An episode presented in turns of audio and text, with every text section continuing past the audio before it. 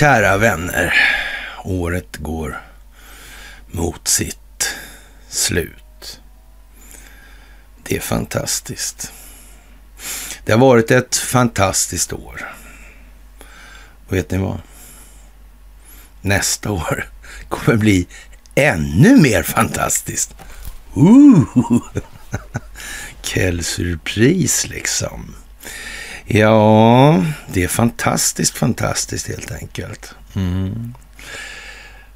Otroligt. Vilken ynnest att få uppleva det här tillsammans med er. Vi skriver den 30 eh, i 12.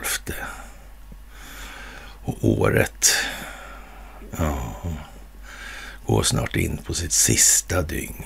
Och sista skälvande timmarna. Mm.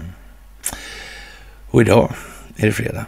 Och idag, då är det dags för ett fredagsmys. Ja, fantastiskt.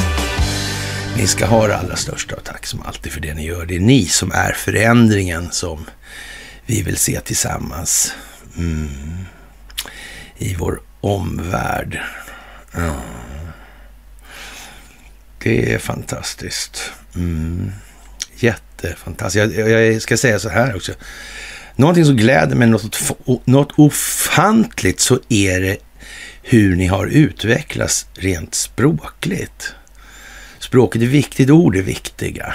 Mm. Mm. Norbergianska försökte de med ett tag där. Det, det, ni låter som den där jävla norbergianskan, ja, tänka sig. Om det ändå bara är ord och ord bara har en betydelse, ord påverkar tankar och så vidare. Varför, varför bli så gnällig för? Vad är det fel med någonting? Är det felstavat eller? Vad menar Är det klumpigt uttryckt, oprecist, dåligt? Dålig grammatik alltså? Ja, det var mer liksom, ja, det var, att det var, det var ingen, ingen mysig prosa på något vis. Det var så man formulerade det. var inte fel, men ja, det där var inte bra. Alltså, det, och, och framförallt så skulle man ju skriva kort alltså, och rakt och enkelt. Jag vet inte, jag är osäker alltså. Är det bara fördelar med det, tror jag? Ja. Kanske vi bara behöver ett ord allihopa som vi kan använda. Mm. Jag vet inte, gör som hunden, lukta sig till känslorna bakom. Ja.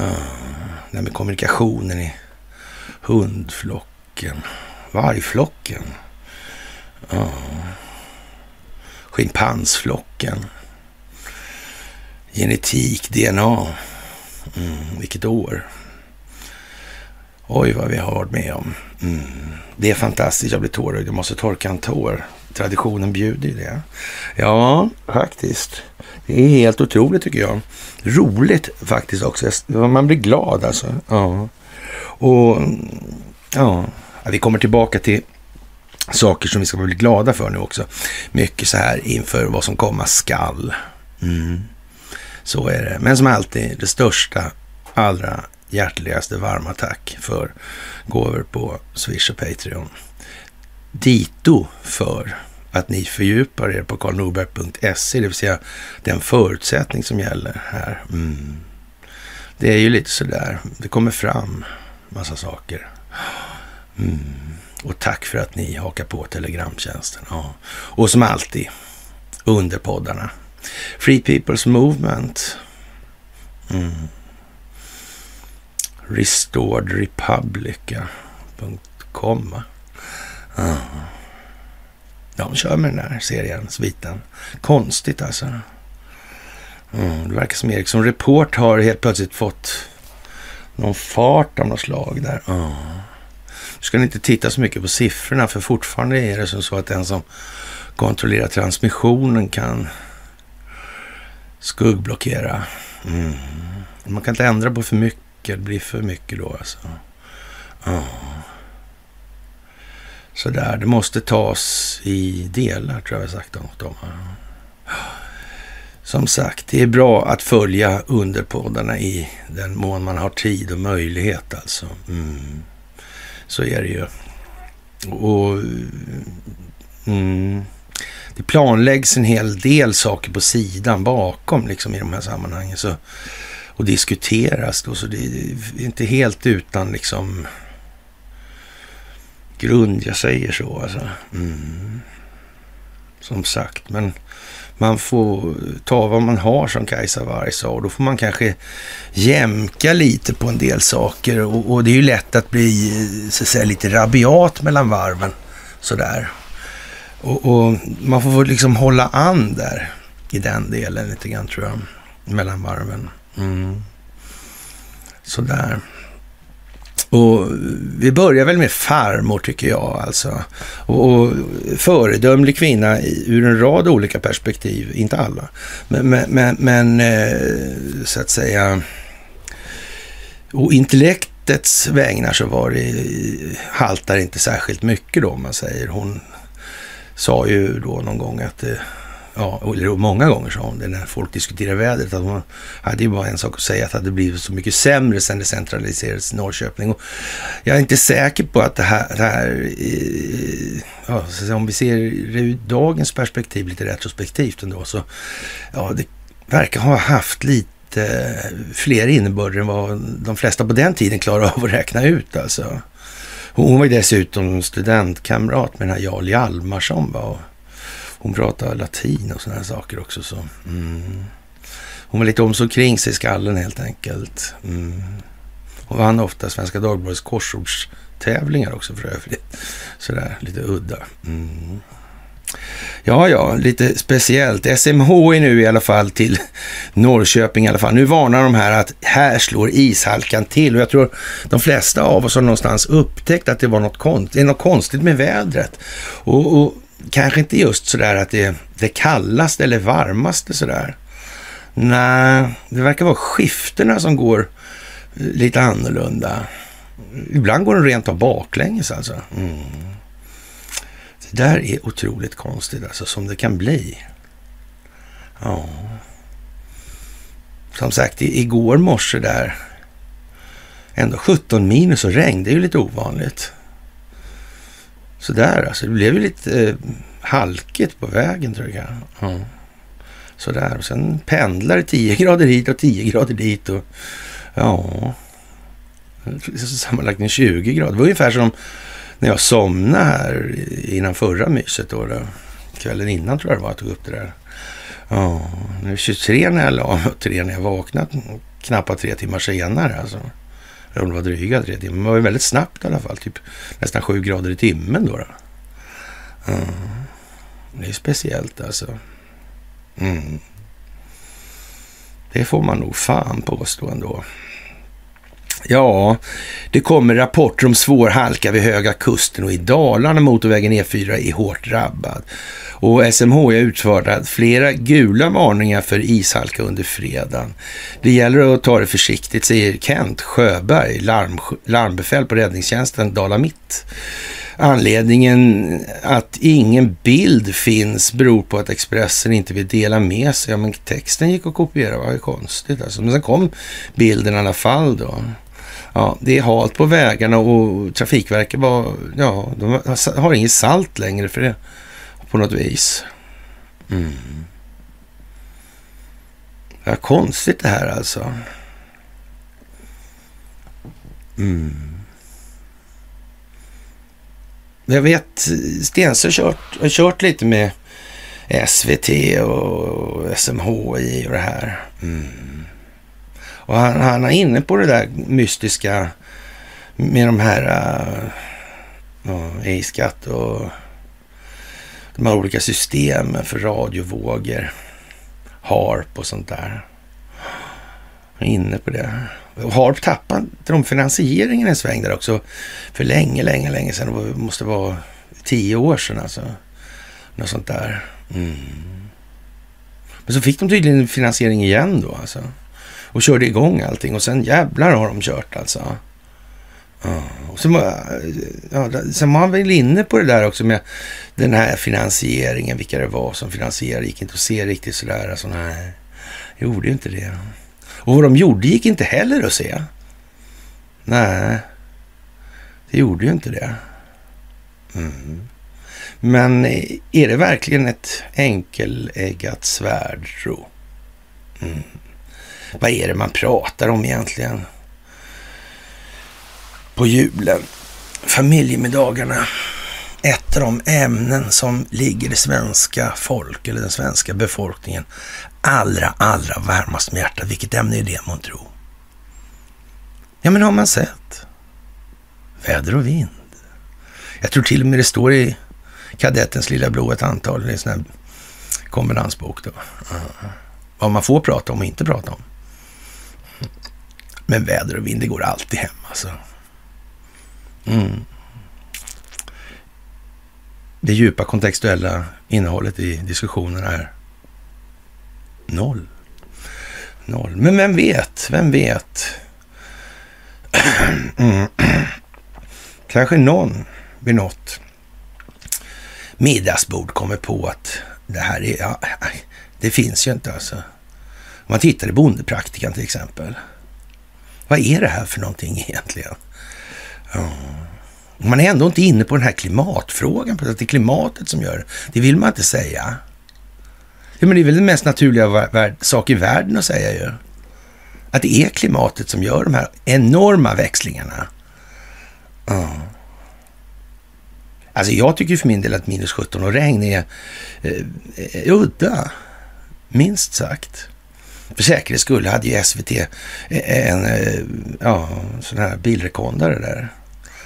Ja, nej, men han var van vid det där. Det var lite så alltjämt. Men de som håller på med snöröjning, så kritisk snöröjning och som ska köra stora truckar som väger 50-60 ton så där, som lyfter 30 och såna här. Och, och de har inga räfflor och, och, ja, på däcken. Äh, då måste man ploga snabbt helt enkelt och noga. Ja, de får inte börja sladda de där med lasten. Alltså det blir katastrof. Ja, de följer vädret, som man säger, eh, närmast religiöst alltså. Ja, de har till och med privata bolag som håller på med det där och många av dem har konstaterat att det lirar inte riktigt på något vis alltså. Nej konstigt. Mm. Det är märkligt. Som sagt, jag undrar om farmor hade en aning om vad det där var. Politik hade hon en aning om vad det var i alla fall. Det är helt säkert. Det är alldeles säkert. Ja, och alla hennes väninnor hade blått hår också. Det var också en annorlunda grej när man tänker tillbaka på det.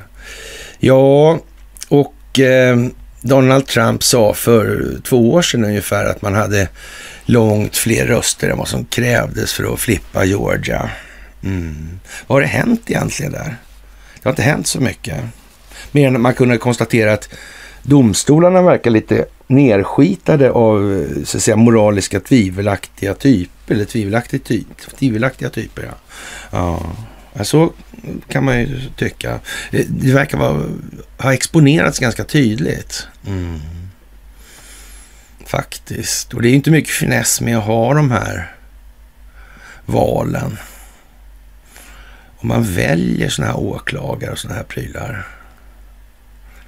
Tillsätter dem politiskt. Det är nästan att uppmana till att korrumpera valsystemet. Mm. Men så skulle aldrig den djupa staten göra. Nej. Det är ungefär som att eh, Jakob Wallenberg, han skulle aldrig försöka skaffa sig en informationsfördel i något enda sammanhang eftersom han kontrollerar det bolag som sköter telekominfrastrukturen som 184 av världens underrättelsetjänster, eller länders underrättelsetjänster använder sig av för att försörja deras utrikesdepartement med information. Tänk. Undrar hur det är det här egentligen nu. Mm. Om man ska ge sig på den där draken, då vet inte jag. För, för man får vara lite naiv. Det, det står ju och faller med det där att antingen finns det ju en djup stat. Alltså en organiserad form på något vis alltså. Mm, av institutionaliserad korruption. Eller också gör det ju inte det. En av grundpelarna i den där hypotetiska konstruktionen, den djupa staten alltså. Mm.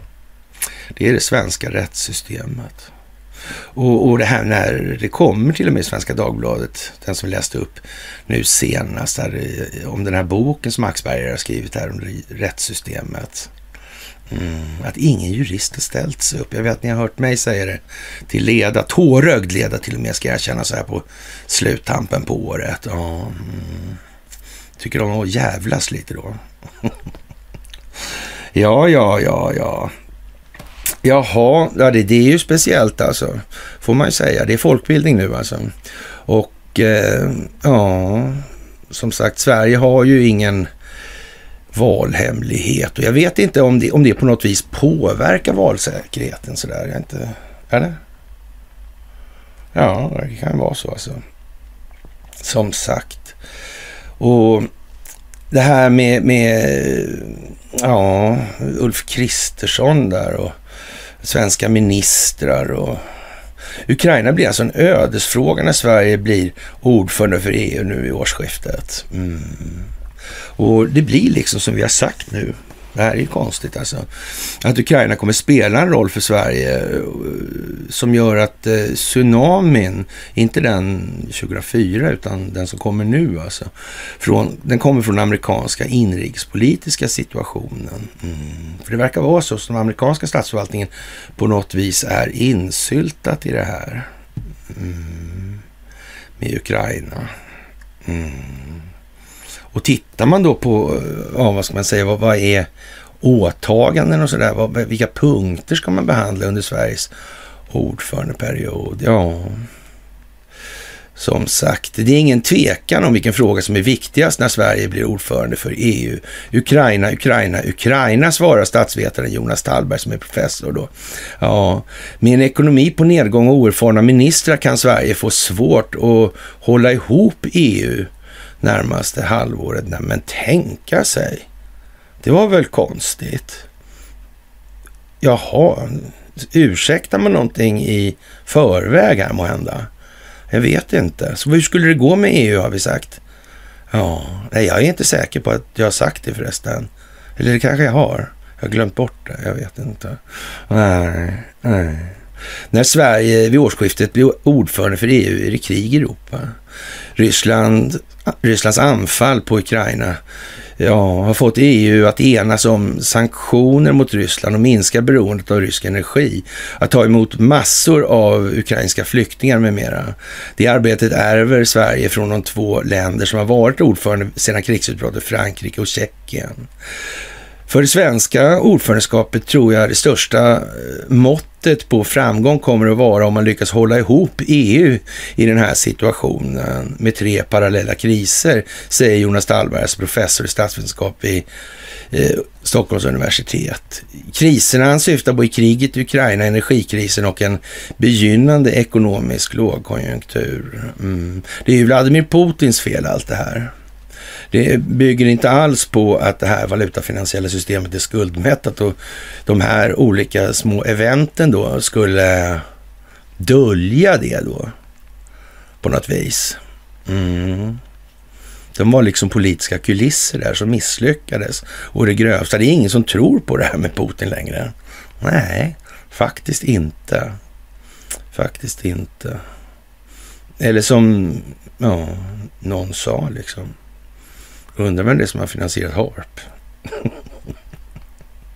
ja, man vet ju inte om den här äh, dramaturgen har haft en feeling för dråpligheter på det viset för att göra liksom en rolig historia lite mera, mera rolig så här på, i eftermälet. Jag skulle inte förvåna alltså. Han visar alltså klara prov på kvaliteter som, ja herregud alltså, det må man säga. Det må man säga alltså. Mm, han blev ju känd, ganska känd regissör där, borde verkar ju vara lite på, vad ska man säga, på en höft då. Jag menar, det är inte alla som springer runt och blir finansministrar och sådana där grejer. Det är det väl ändå inte. Det måste ju, de flesta så att säga ägna sig åt eh, förarbetet för det. Det är ganska hängivet och, och dedikerat rent ut sagt. Mm, inte kanske håller på med så mycket annat alltså. Det är lite, ja, det är konstigt. Verkligen. Alltså, visserligen förtroendebranschen, alltså, det är han duktig på. Mm, jag vet inte. Lite avatariskt nästan. Mm. Det där är ju speciellt alltså. Och någonstans så ja, undrar man då.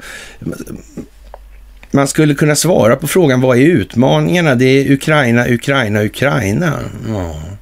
Det, där är det, det, är det största kriget i Europa sedan 1945. Sverige ska försöka hålla ihop ett EU som möter stora påfrestningar, säger Tallberg. Ja, när kriget bröt ut den 24 februari var Frankrike ordförande för EU. Bara ett dygn senare var ett sanktionspaket på plats gentemot Ryssland. Mm.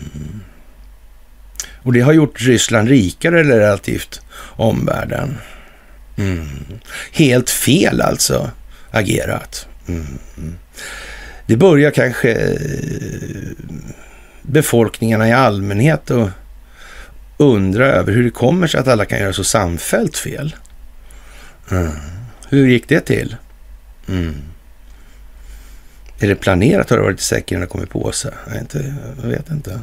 Eh, det där är, spänn, är mycket spännande alltså. Ja, och eh, som sagt eh, Tjeckien tog över stafettpinnen den 1 juli och allt eftersom tiden gått har det blivit svårare att ena EU om sanktioner. Framför allt har Ungern blockerat uppgörelser.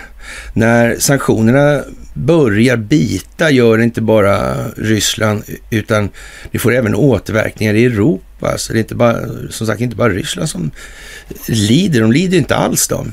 Och, och, när energikrisen intensifieras nu under vintern och vårvintern och när Europa går in i en lågkonjunktur med förväntade BNP-fall eh, kan det bli svårare att hålla ihop kretsen än det var i den omedelbara krigsutbrottssituationen, menar Tallberg då. Mm. Göran med det välbekanta efternamnet von Sydow, chef för Svenska institutet för Europapolitiska studier, SIEPS, gör samma bedömning. Mm. Enhällighet gäller för många av de här besluten och vi har redan sett att det blir svårare över tid, säger han. Jaha, det var ju konstigt. Mm. Ja, samtidigt har man lyckats hittills, men den enheten kommer inte automatiskt utan ligger hårt arbete bakom. Och jag vet inte, om den ekonomiska situationen blir värre, blir det lättare då? Jag tror inte det. Jag tror inte det. Nej. Det gör jag inte. EU har gett militärt och humanitärt stöd till Ukraina, bland annat ett stort lånepaket för nästa år som EU-länderna enades om veckan. Men det lär behövas mer pengar framöver, inte minst för återuppbyggnaden. Mm. Är det fred redan eller?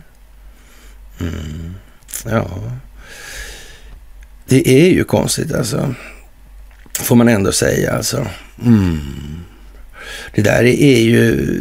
EU ska också stötta Ukraina i sin strävan att närma sig EU, alltså med sikte på ett medlemskap någon gång i framtiden. Ett toppmöte mellan EU och Ukraina planeras till början av februari. mm.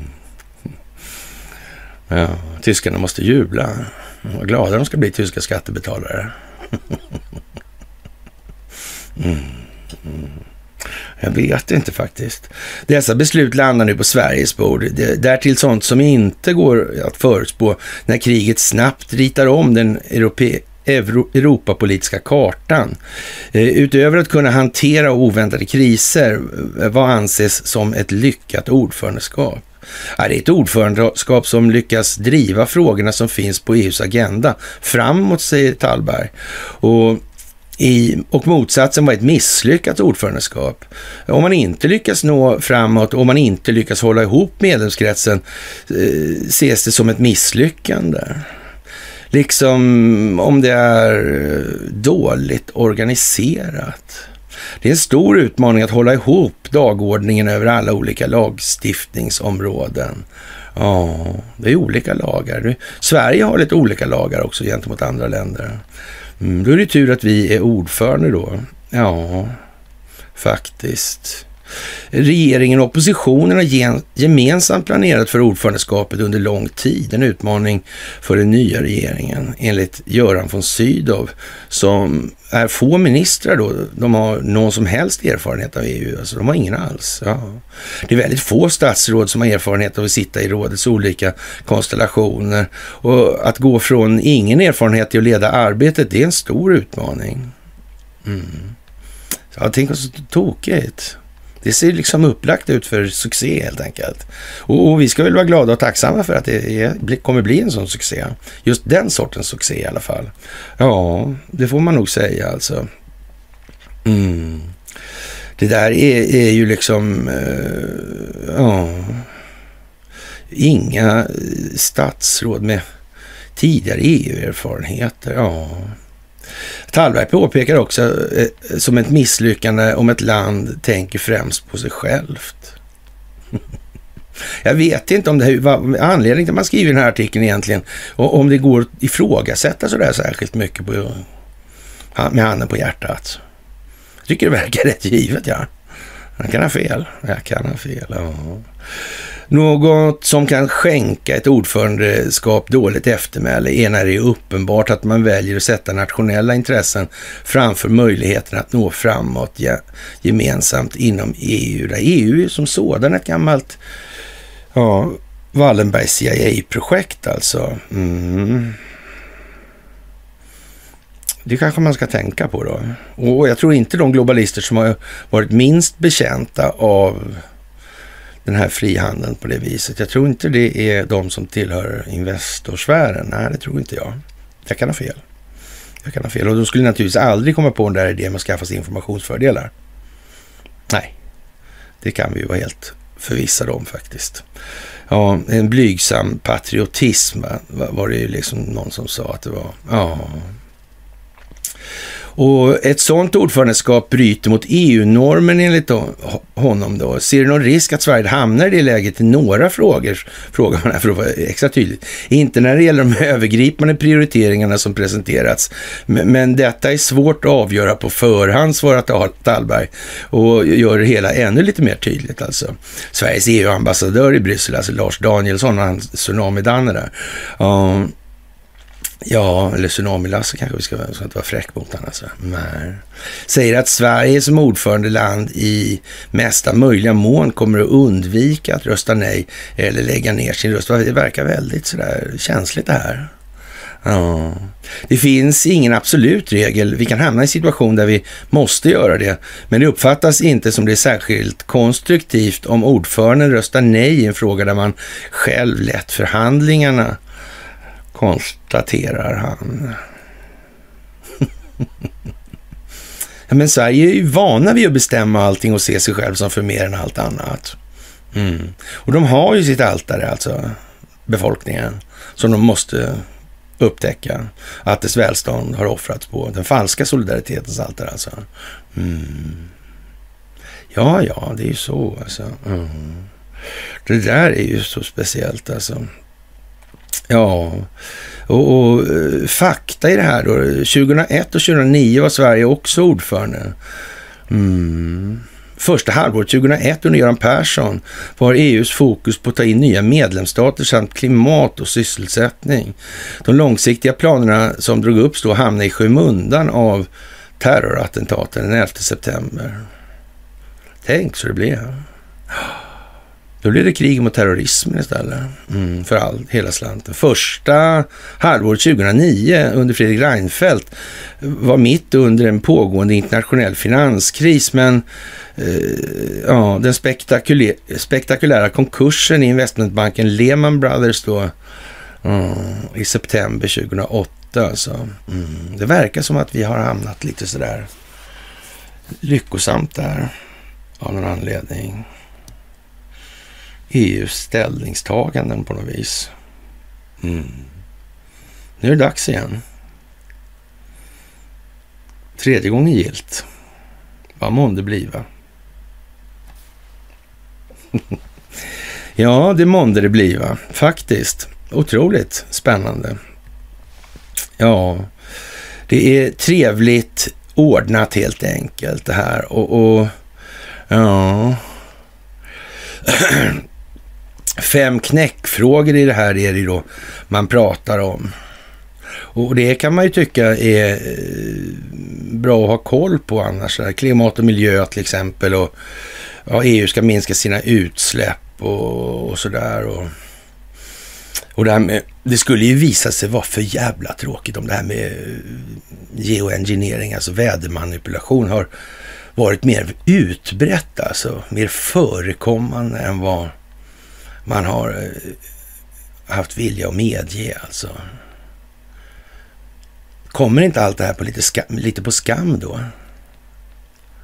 Ja. SMHI pratar inte gärna om klimatförändringar. Man kan beställa tjänster där också. Vad är det väder man kan beställa då? Eller? Mm. Konstigt. Mycket märkligt det där. Många människor har i alla fall intresserat sig för vädret mer de senaste dygnen än vad de har gjort tidigare. Mm. Och det hamnar just på det där med vädermanipulation. Mm. Många fler människor tycker att det här är något väldigt underligt. Mm. De som kan tyda naturen, läsa naturen, se hur saker finns i logiska kedjor som följer varandra hela tiden i ekosystem och så vidare. Mm. Ja, det där är mycket speciellt alltså. Ja, energipriserna är också en fråga. Alltså gaspriser och migration och ja. Det där var ju liksom speciella grejer, så konstiga.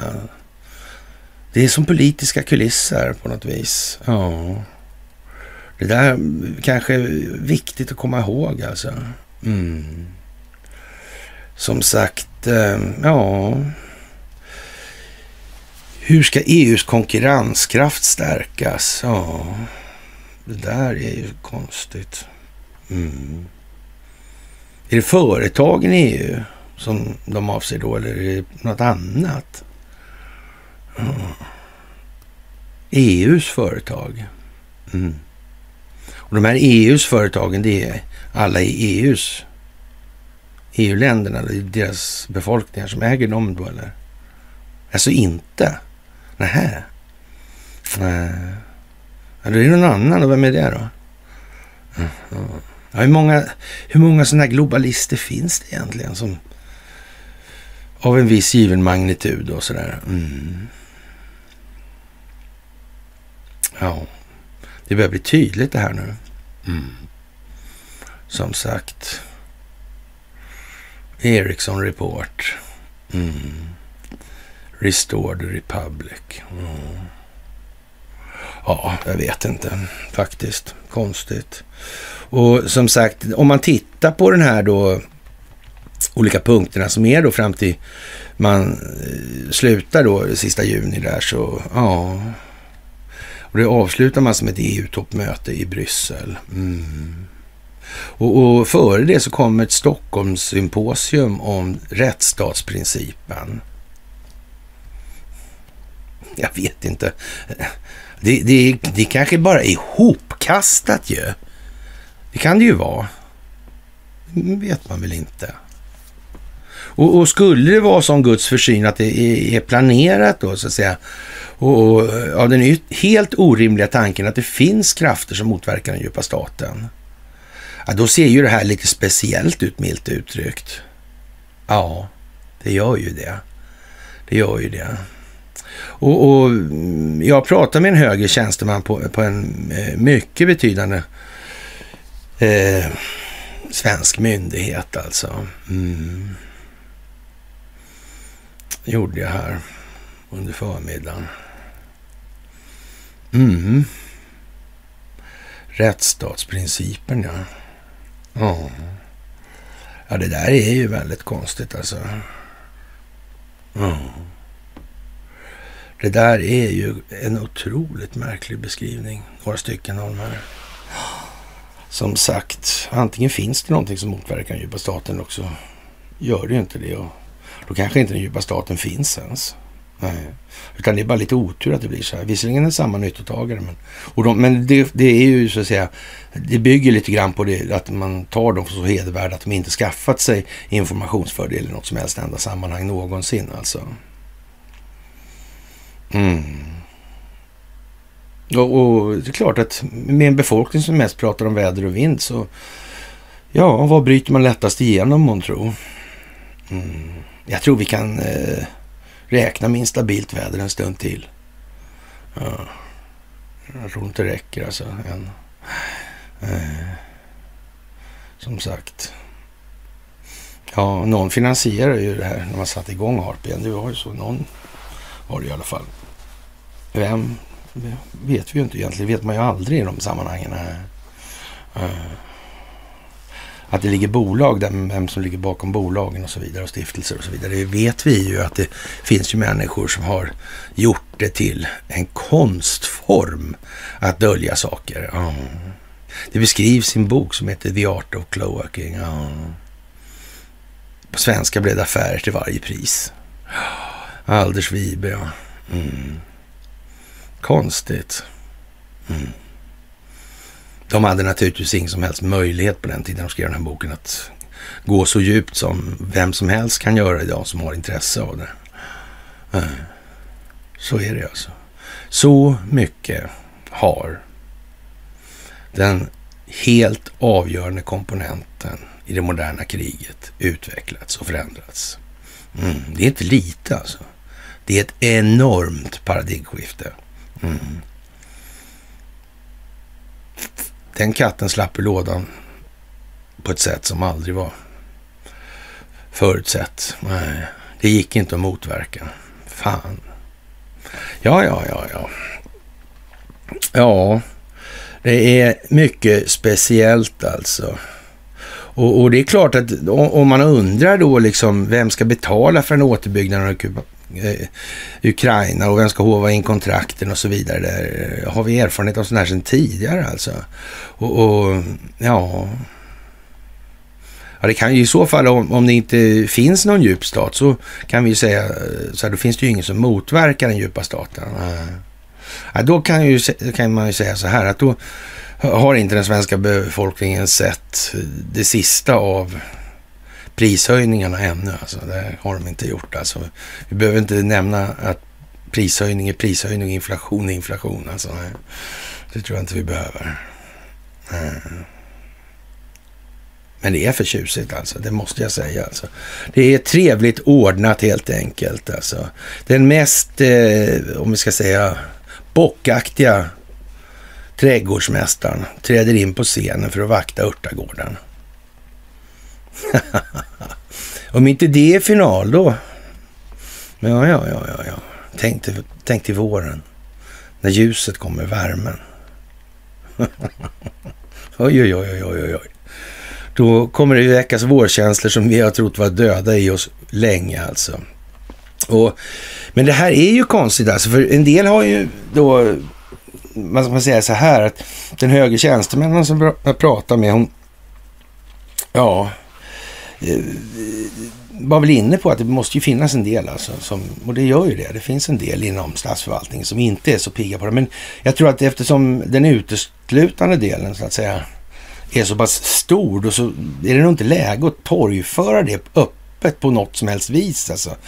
När vi tycker att de borde kunna träda fram så är det nog snarare ett uttryck för vår egen oförståelse för att den här korruptionen är mycket, mycket större och går mycket, mycket djupare än vad vi förstår. Det, det är ju så det, att jag, jag, sitter och skriker då, men den borde ju, någonstans under så lång tid så borde det rimligtvis ha funnits fler jurister. Det är inte bara Ville Moberg som borde skri, skriva om rättsröta affärer och, och, ta ställning i dem till exempel. Det verkar ju helt korkat liksom. Alltså, liksom lite lobotomerat, ungefär som man tedde sig mot de människor som kanske protesterade.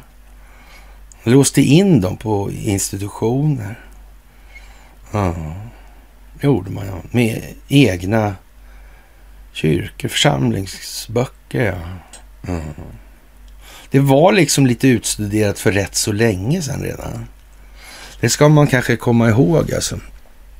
Ja, det är otroligt tungt att lyssna till berättelser från hushåll och företagare om det tuffa läget som följt på de stigande elpriserna, säger energi och näringsminister Ebba Busch då. Mm.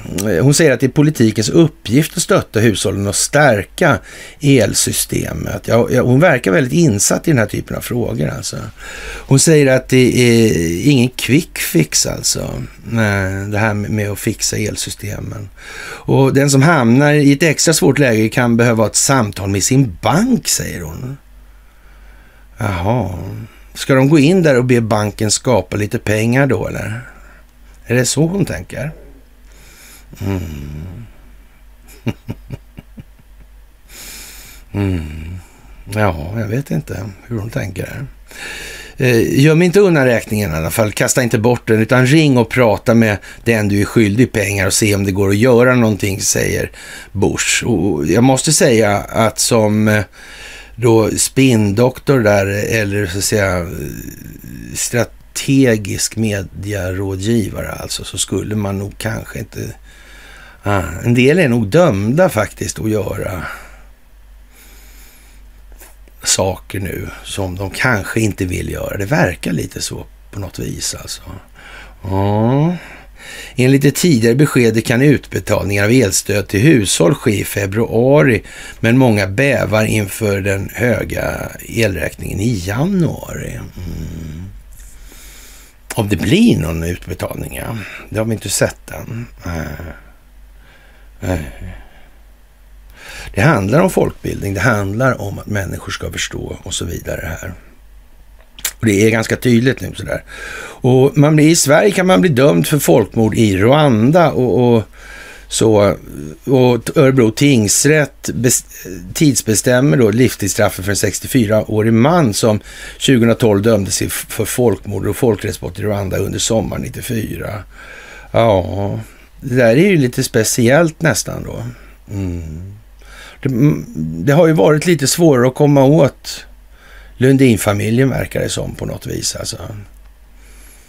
De verkar ha finansiella muskler att hålla rättvisan på ja, rimligt avstånd som de själva ser det. Mm. Det verkar inte riktigt vara så fallet med den här eh, Rwanda-liran här alltså. Ja, jag vet inte. Kanske det där är lite speciellt tror jag. Kanske det handlar om det svenska rättssystemet. Jag vet inte. Kan ju vara så alltså. Det kan vara så. Ja, och eh, kineserna verkar ju vara på lite på hugget sådär och Xi Jinping han säger mot bakgrund av en svår internationell situation i Kina redo att öka det politiska samarbetet med Ryssland för att vara global partner då. Mm. Ja, det verkar inte bli någon spricka däremellan då. Och, och sen börjar de segla runt lite där i, i, runt Taiwan. Va? Ja. Och, ja, det verkar konstigt allt det där. Och, och, jag vet inte, det blir ju inte så att säga bättre av att man eh, avslöjar planer då för militära samarbeten med arabstaterna. Mm. Det är ju lite skillnad här alltså. Mm. Och Vladimir Putin säger att Ryssland och Kina kommer att stärka samarbetet mellan de väpnade styrkorna. Ja. Presidenten noterar ett militärt och militärtekniskt samarbete mellan de två länderna som intar en speciell plats och bidrar till stabilitet i Ryska federationen och i Kina och, och, och deras nyckelregioner då. Mm. ja, då har man ju lite att ta av så att säga. De reguljära enheterna i Kina är trots allt av en magnitud som det liknar inte mycket annat om vi säger som så på den här planeten någonsin. Nej. Och jag tror handen på hjärtat att det är nog många som skulle dra en lättnadens suck om man slutar med det här tramset någon gång. Mm. Nej, men någon behöver ju krig. Mm för att kunna härska genom söndring. Någon behöver konflikter för att kunna härska genom söndring. Mm. Någon behöver polarisering, partisering för att kunna alltså gyn, eller gynna sig själv genom att härska genom söndring. Ja. Vem kan det vara? Vad är det för part? Finns den parten? Eller är det bara någonting som ja, bara blev så? Att det råkar vara samma intressen bakom. Spelar ingen roll. Nej, det, det är inte så. De drivs av en stillsam patriotism. Ja, jag vet inte. Det är inte otydligt i alla fall. Och den här stillsamma patriotismen, den tycks ha liksom eh, ja, funnits länge alltså. Och det här med informationshanteringen är ju en rätt så stark eh, faktor. Och eh, ja, som sagt, Pilé är död nu. Han, han gjorde ju sitt genombrott där 58, fotbolls-VM i Sverige av alla jävla ställen. Ja. Mm. Som sagt, och, men nu verkar det precis som att privat så har han inte varit riktigt, riktigt lika... ja, då har han varit mer svensk kanske. Han gillar ju Sverige väldigt mycket. Han tyckte om blonda tjejer och sådär. Ja. Ja, hur är det med det där fotbolls... Nu undrar när de börjar rigga fotbollsmatcher förresten. Mm. Mm. Nationalikoner. Mm. Det är konstigt. Inte skulle väl naturligtvis inte vara... Det var fräckt och dumt sagt av mig. Alltså, ja, nästan småaktigt helt enkelt. Ja, det är ungefär som att man uttrycker sig obegripligt för att göra sig märkvärdig. Jo, så är det nog. Mm. Ja, nej, det är mycket speciellt nu. Det får man faktiskt hålla med om. Och den här Michael Corey då på ericssonreport.com där han, ja, han har konstaterat att en massa bolag då, som Perkins Coie, IBM, Watson, Noistar då, Nasdaq och Oric och Pricewatercoopers och Blackrock och sådär. Ja. Det, det, är liksom eh, hela gänget där alltså. Mm. Det skickar han till Elon Musk. Ja. Mm. ja. Det där är ju lite speciellt, måste ju jag säga alltså. Och ja, det är ett eh, datahorhus alltså. På ja, ett One Street Corner in eh, San Francisco. Mm. Vad är det för någon styrning där? Mm. Jag vet inte, jag vet inte. Det där är lite udda kanske. Ja, undrar vad Elon Musk tycker. Mm. Men bara för Elon Musk har kontroll på Twitter så är inte det samma sak som man har kontroll på transmissionen. Och man kan nog inte torgföra att man har tagit kontroll över transmissionen även om man i och för sig redan har sagt att Ericsson är under kontroll av amerikanska justitiedepartementet. Som, ja, men man får ta det här i delar alltså. Ja. Annars kommer en massa människor att börja skrika om vi skulle tagit dem och kört dem till Gitmo allihopa. Liksom. Och då hade vi fått med oss allt vi vill ha med oss. Tydligen inte. Tydligen inte. Och om man tittar på det här då, då med Noistar och det här. Och vi har ju varit inne på det där med de här servrarna som tvättades och det där. De bolagen kring det här. Ja, konstigt alltså. Vad hette han, advokaten som... Noistar, det är ju liksom ett Ericsson-bolag liksom. Ja, vad heter deras advokat? Han heter Sassman, va? Sassman har inte hört det namnet förut. Det var något fönster som öppnas. Ja. Det är bara det att det ska in så mycket i det där fönstret. Mm. Så det är till att riva hela kåken. Mm. Så är det ju. Och då kan man inte ta det här bara i ett svep. Då missar man det liksom. Mm. Ta in de fiskar man ser liksom. Ja, men de sitter ihop med massa andra fiskar liksom. I ett stim. Mm. Kanske man ska tänka på nu va? Ja. Oh. Crowdstrike ja. Du, vad hette han då, den där... Uh... Han blev mördad va, av det där äh, 13-gänget va? Uh. Just det, där ja. Uh. Och det var ju det här med Michael Binney och det här USB-minnet ja. Det var det också. Och Julian Assange var väl i faggorna på det här också. Mm. Just det. Just det, just det, just det. Nu har man kommit på att Julian Assange är på något vis en central del. Ännu har man inte kommit till Marianne Ny, alltså hur det kommer sig att den svenska regeringen håller på på det här viset. Mm. Och han Admiral Rogers som pratar om de här sakerna. Mm. Edward Snowden och Swedish Kings of Cyberwar. Mm. Det verkar som amerikanerna har något på spåren. Lite grann. Mm. Här hemma har vi ju hela alternativrörelsen som har stått och skrikit om det här i hundra år. Det är ju inte klokt och ingenting har hänt. Nej, de har inte skrikit om det här i hundra år och därför har ingenting hänt. Vi har liksom hållits på en kant. Vi har inte bara hållit oss utan uh, de har på något vis trott på något annat. Mm. Frimicklarna kanske? Mm. Jesuiterna? Rymdödlorna? Mm. Jag vet inte. Benjamin Netanyahu är i alla fall insvuren som premiärminister för sjätte gången. Han som säger att Israel har aldrig någon annan än den djupa staten bestämt. Tänk att han blev mutad av det här BSEC, alltså telekombolaget.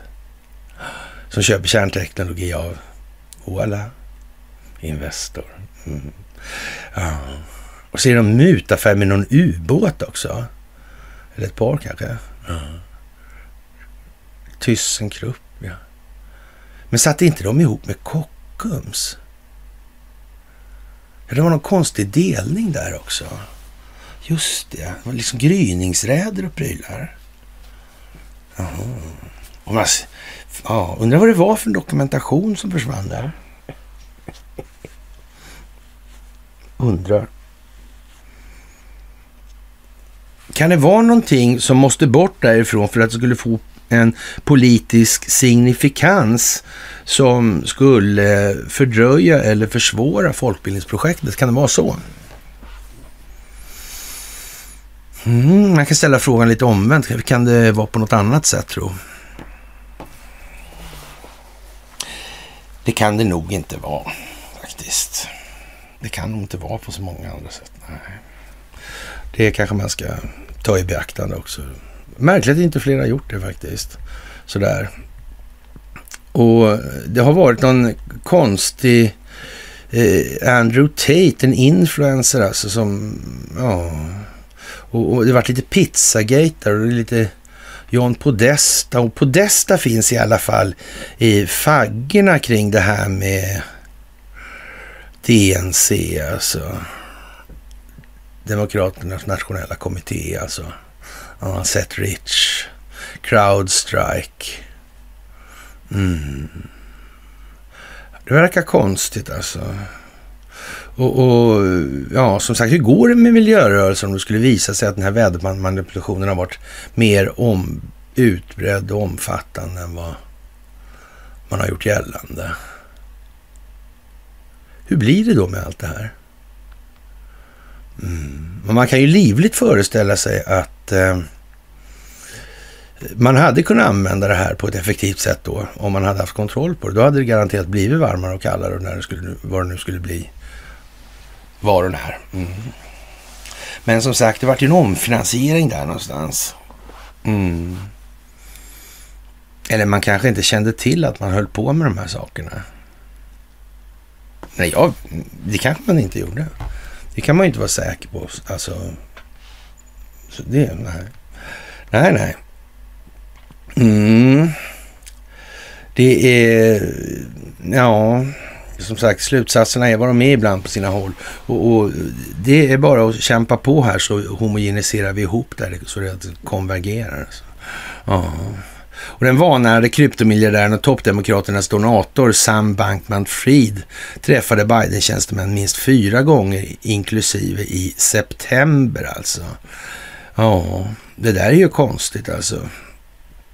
Det där är ju någon märklig historia. Där de där pengarna är tillkomna genom brottslig verksamhet alltså. Och det finns sådana här regler för pengar man, att, som man tar emot i de här stiftelserna. Man måste kontrollera att de har, och liksom att den givaren måste kontrollera att de här stiftelserna använder då de här donerade medlen på ett sätt som går i linje med vad stiftelseurkunden eller stiftelsens regler, eller vad ska jag kalla det, inriktning innebär då. Mm. Alltså det är ganska grova straff på det här. Så det var någon som hade, ja, inte så mycket pengar alltså, men, men straffpåföljden var inte att leka med. Alltså, annars skulle ju bara alla ge bort sina pengar så där till en stiftelse och ta tillbaka hälften liksom. Mm. Mm. Och det gick nog bra så länge man hade koll på IRS alltså. Mm. Den svenska skattemyndigheten är ju inte den modellen liksom, där man håller på och ägnar sig åt politisk förföljelse. Så, nej. Eller ger sig ut på politiska uppdrag för enskilda intressens räkning. Aldrig. Nej. Nej. Ah, Allra sist här alltså. Ja, för här hade vi den första Riksbanken, så det måste ju bli så alltså. Mm. Lite udda tycker jag nästan alltså. Sådär. Faktiskt. Och eh, ja. Eh, man, man, får väl hoppas någonstans då att eh, Europeiska unionen försvinner, eller om den inte försvinner, att den reformeras rätt kraftfullt. För några överstatliga grejer behöver vi faktiskt som så att säga, forum. Det kan inte enbart vara bilateralt. Mm, för då kommer man ju liksom spela runt i alla fall och det måste finnas någon form av... Men, men det ska ju inte vara liksom... Det är bara någon form av kontroll i den meningen, alltså hålla alla varse om vad som sker alltså. Som möjligtvis kan innebära konsekvenser. Ett rådrum kanske snarare. Mm. Är det någon som påverkas av det här på ett sätt som inte är rimligt Mm. I förhållande till vad det kommande internationella samfundet anser ska verka gällande. Ja, jag vet inte. Kanske det alltså. Om Europeiska unionen fortsätter att införa antiryska sanktioner och avryska energiresurser kommer då den att lida mer av det här, säger den kinesiska experten Ding Yifan.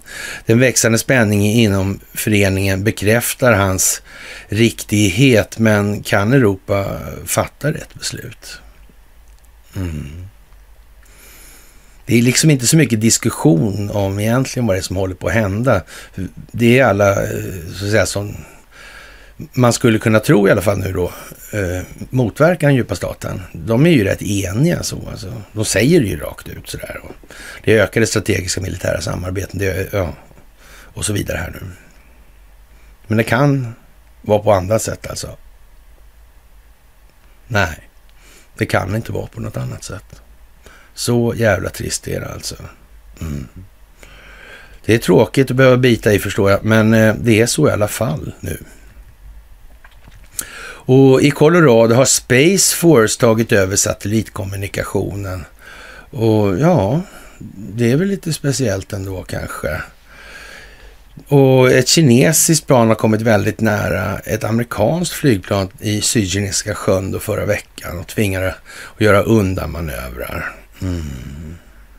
Det trummas upp på något vis. Ja.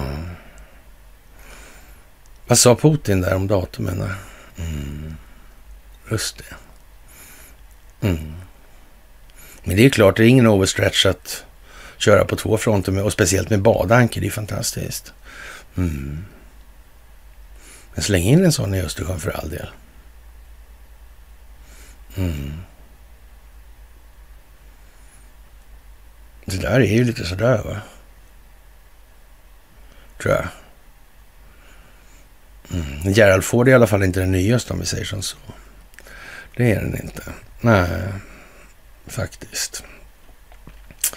Ja, Kina har ju sagt då att det inte är bra att USA skickar in fartyg och flygplan i, i Sydkinesiska havet, eller Sydkinesiska sjön. Det är inte bra för freden helt enkelt. Och Ja, jag vet inte. Det där är... Måste det bli så här, tro? Mm. Räcker det med vädret för den svenska befolkningen för att förstå allting? Helt plötsligt gör de helt om. Nej, det räcker inte. Men en betydande del hänger på det också. Mm. Energipriserna där med dieseln, att det skulle väcka någon. Shit, det blir bara dummare och dummare från min sida. Ja, det tillåter gott om människor. Mm. Gör om och gör rätt, gör om och gör rätt, gör om. Jag, jag känner till det alltså, jag känner till det. det helt säkert. Helt säkert. Det här är lätt. Ja. Och Kina seglar nu alltså med örlogsfartyg då nära Guam då och eh, ja, som varning till USA. Det där är ju liksom där eh, fleeting being, alltså man seglar och visar musklerna sådär. Och, och det är ju mm, som det är helt enkelt. Och Kina har seglat ett av sina tre hangarfartyg nära det amerikanska territoriet i Guam. Då. Mm. Bekräftades av japanska tjänstemän. Ja, det där är ju liksom... Man eh, ställer sig upp helt enkelt från sina sida och talar samtidigt om att vi tar och limmar ihop oss lite hårdare med Ryssland. Mm. Så är det ju. Mm. Och, och, där är inte kommunikationen lika svår faktiskt. Det finns rätt många ryssar som pratar kinesiska av någon märklig anledning. Mm. Märkligt, märkligt, märkligt. Ja, det är ju som det är alltså.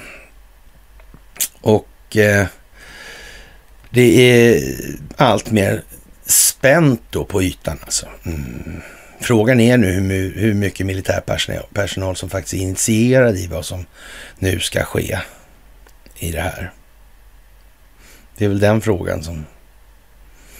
Men att man är, har ett ganska så väl utvecklat säkerhetstänkande, det kan vi vara helt jävla säkra på.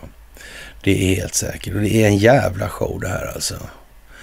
Inte minst det här med vädret och det är ju lite komiskt. Måste börja någonstans. Alltså, har de ljugit om vädret? Vad fan ljuger de annars om då? Finns det något annat? Och med allt vad det innebär på vägen ända till de stora nationaltraumorna och ända ner till plånboken alltså, och den falska solidaritetens altare. Tillgångar var skulder mm, som ingen kunde betala. Ja, men vad bra då. Vad kan möjligen gå fel? Ja, som sagt, det där, eh, ja. Det är, ja, det är olika hur man ser på det här alltså. Och när, i det här skedet då när man från amerikansk sida ifrån den här eh, 6 janu januari-kommittén tar tillbaka sin tar stämningstalan där alltså. Mm. Skriver svenska medier något om det? Varför gör de inte det? Är det inte så? Ljuger Donald Trump till exempel? Det tror jag inte. Det kommer visa sig i så fall. Mm. Men varför skriver man ingenting? Man skriver inte i amerikanska MSM heller. Nej, det gör man ju inte. Varför gör man inte det då? Nej. Konstigt. Ja, man kan ju säga så här att skulle det vara så att djupa staten existerar och djupa staten har en så att säga någon form av ledande del, så själva kärnan i det här. Och man har bestämt i värdliga tider. Mm. Och då är det inte så konstigt. Annars är det mer konstigt. Mm. Så är det ju. Ja, man ska vara försiktig med vad man önskar sig alltså. Ja, och som sagt, det hade ju kommit fram då om man hade kört den här stämningstalet. Det hade ju kommit fram direkt då att, ja men, vad har FBI gjort i de här sammanhangen där? Alltså, vi har så här, den här uppgiften har vi. Mm. Det kanske inte hade varit något bra, nej. För det blir en rätt så medialt välbevakad tillställning kan man misstänka. Ja, ja, ja som sagt. Ja, och eh, det här med Netanyahu som sagt, det är ju fantastiskt. Alltså ThyssenKrupp satt ihop med Kockums, det var gryningsräd och det är det bolag som köper kärnteknologi och han säger att hela, av Ericsson då, så han säger att det är bara en djupa stat som har bestämt det hela tiden. Ja. Det är inte så jätteotydligt ändå alltså. Och, och, det kanske är rätt så naturligt om, om, man ser det ur perspektivet av att det är ett strategiskt lås mot rörelsen av naturresurser upp från afrikanska kontinenten upp till den eurasiska landsträckningen. Mm. Det kan ju vara liksom, förstår man det tidigt så ser det ju lite eh, taffligt ut på sina håll. Mm. Det är ju det. Det är ju det. Och hela den här planläggningen som den djupa staten har faller ju sönder och samman alltså inför deras ögon nu. Och människor ser det här alltså på ett helt annat sätt. Och ju mer de lär sig om hur det här går till då, så desto större blir uttappningsventilen ur badkaret alltså. Till slut så har de ingen trovärdighet alls kvar i det här. Det går inte. Och man kan väl säga att Ebba Busch, hon gör väl så att säga en rätt bra inkarnation av det här just nu. Så kan vi väl säga. Och valfusket går ju åt helvete i USA helt enkelt för den djupa staten. Och när eh, Carrie Lake då håller på som hon gör, då blir det ju det blir inte sådär jätteroligt med det som kommer fram nu. Nej. Och, och det här med Ericsson-report och den roll som Ericsson måste ha spelat i de här sammanhangen. Det blir inte bra alltså. Det blir inte bra. Och hur har det kommit sig att svenska politiker har vidgått det här? Har de inte känt till det? Men Säpo måste ju ha känt till massa saker. Annars har ju liksom de här riskerat, gökarna riskerat hela befolkningens liv liksom, mer eller mindre. Ja, för det får man ju förstå att, ja, det skulle väl ha kunnat vara, om, om nu det är så allvarligt det här med Ryssland, då måste ju, mm, ja, då hade väl ett, eh, en kärnvapenattack varit ett lindrigt tack för kaffet liksom. Ja. Gevalia. När man får oväntat besök. Ja.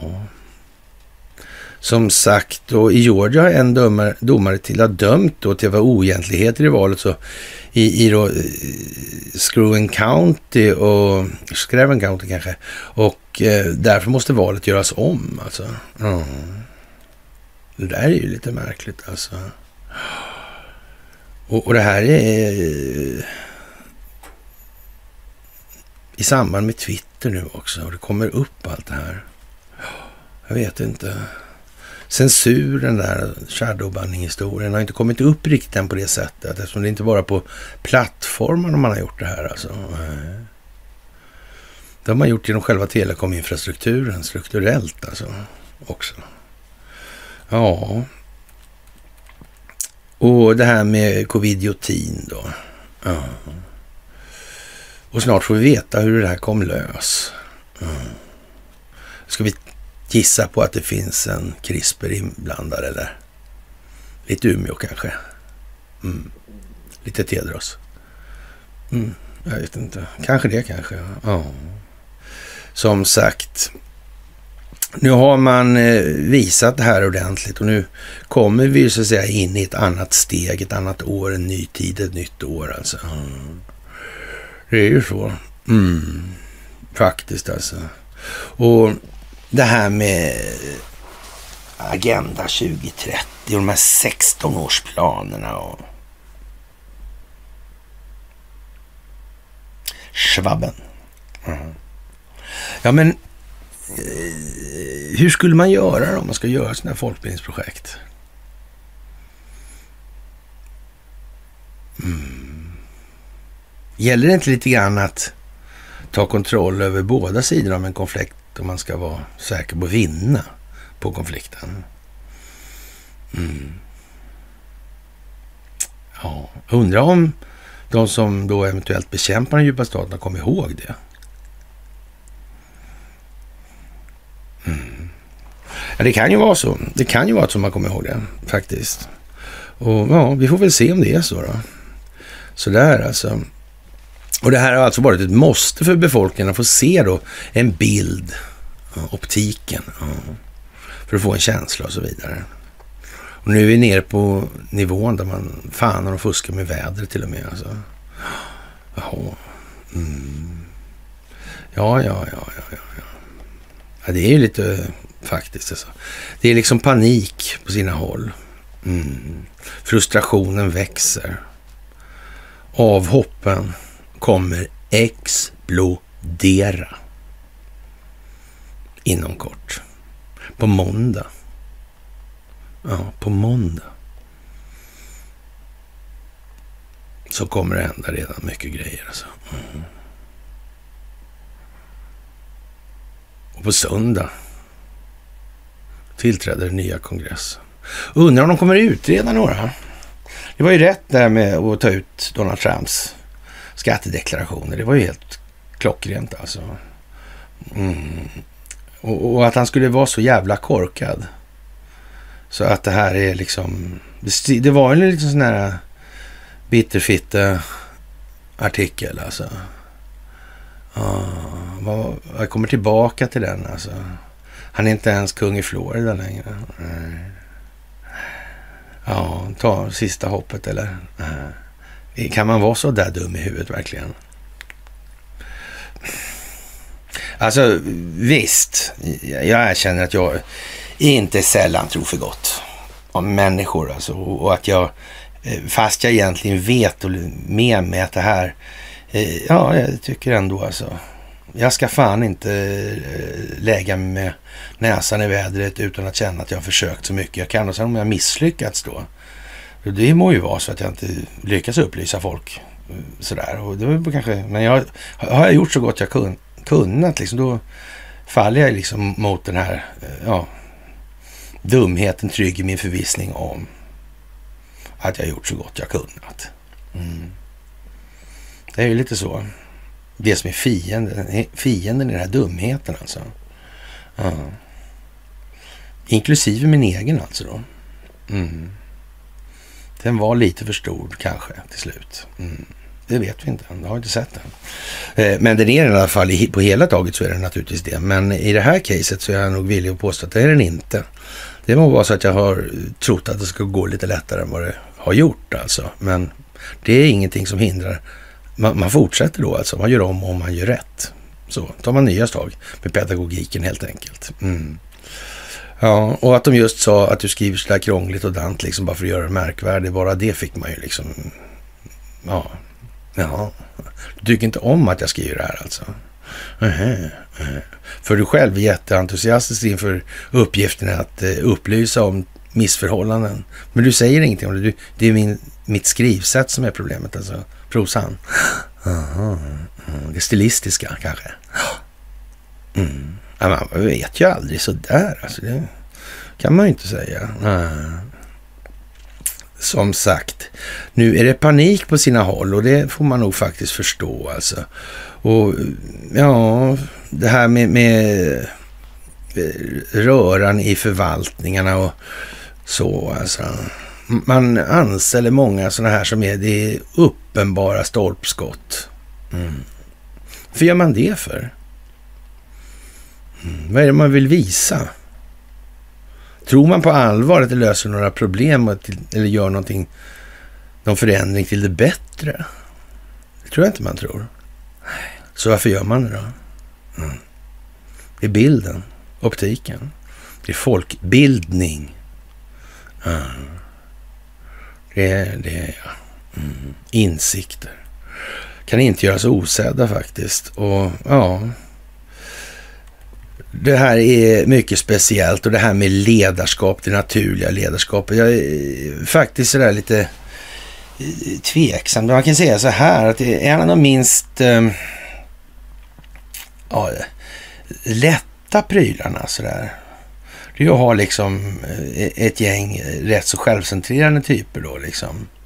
Med halvstark prestationsångest och så, alltså inför uppgifter som betyder någonting då. Mm. Typ att vara tränare för ett gäng styrkelyftare till exempel. Alltså. Det, det, det kräver sin man då man ska hålla ihop det där rent ledarskapsmässigt. Alltså. Mm. Bra skola helt enkelt. Mm. Någon annan kan vara att driva nattklubb och det förekommer våld och narkotika och alla sådana här extravaganta företeelser. Mm. Det sätts prövningar hela tiden. Mm. På grejer som man liksom inte tror Ja, vanliga människor. Nej, så alltså. Mm. Det är udda alltså. Mm. Det finns olika sådana sätt. Men om man tänker sig då hur många av våra svenska politiker har egentligen den typen av erfarenheter där man så att säga lever efter devisen det är motgång som ledare kliver fram. Ja. Känner man så här direkt då att, ah, Kristersson är det, det Kristersson. Göran Persson kanske, Carl Bildt. Eh, Jim, Jimpan, Jimpan, ja. ja. Nej, det gör man ju inte. Man gör ju inte det helt enkelt. Det är ju liksom inte mycket att säga alltså. Ja, som sagt, och det här med att Joe Biden mest sitter och åker till Västindien numera, det är ju någonting som eh, folk tycker är skitbra alltså. Mm. Jag vet inte. Eh, hur är det med de här eh, strategerna för opinionsbildning egentligen? Eh, de måste vara gravt påtända i alla fall hela tiden nu. Det verkar inte bättre. Och, och ja, det är svårt att, att, tro liksom att det här är på allvar. Det är för dumt. För övertydligt. För mycket over the top. Over the top-argument alltså. Ja, reflexiv kontroll. Reaktionen. Ja, men nu jävla får de väl ändå ge sig liksom. Det är en reaktion. Det är en reaktion nu. Ja. Men vad fan alltså. Ska det skilja 30 grader från när man går och lägger sig liksom? Ja. Mm. Ja, det där är ju speciellt alltså. Ja, som sagt, man börjar på något vis erkänna ändå i, i MSM då att Ryssland har inget att göra med de här ja, bombsabotagen som gjordes mot eh, ryssarnas gasledningar i ja, Nord Stream då. Ja.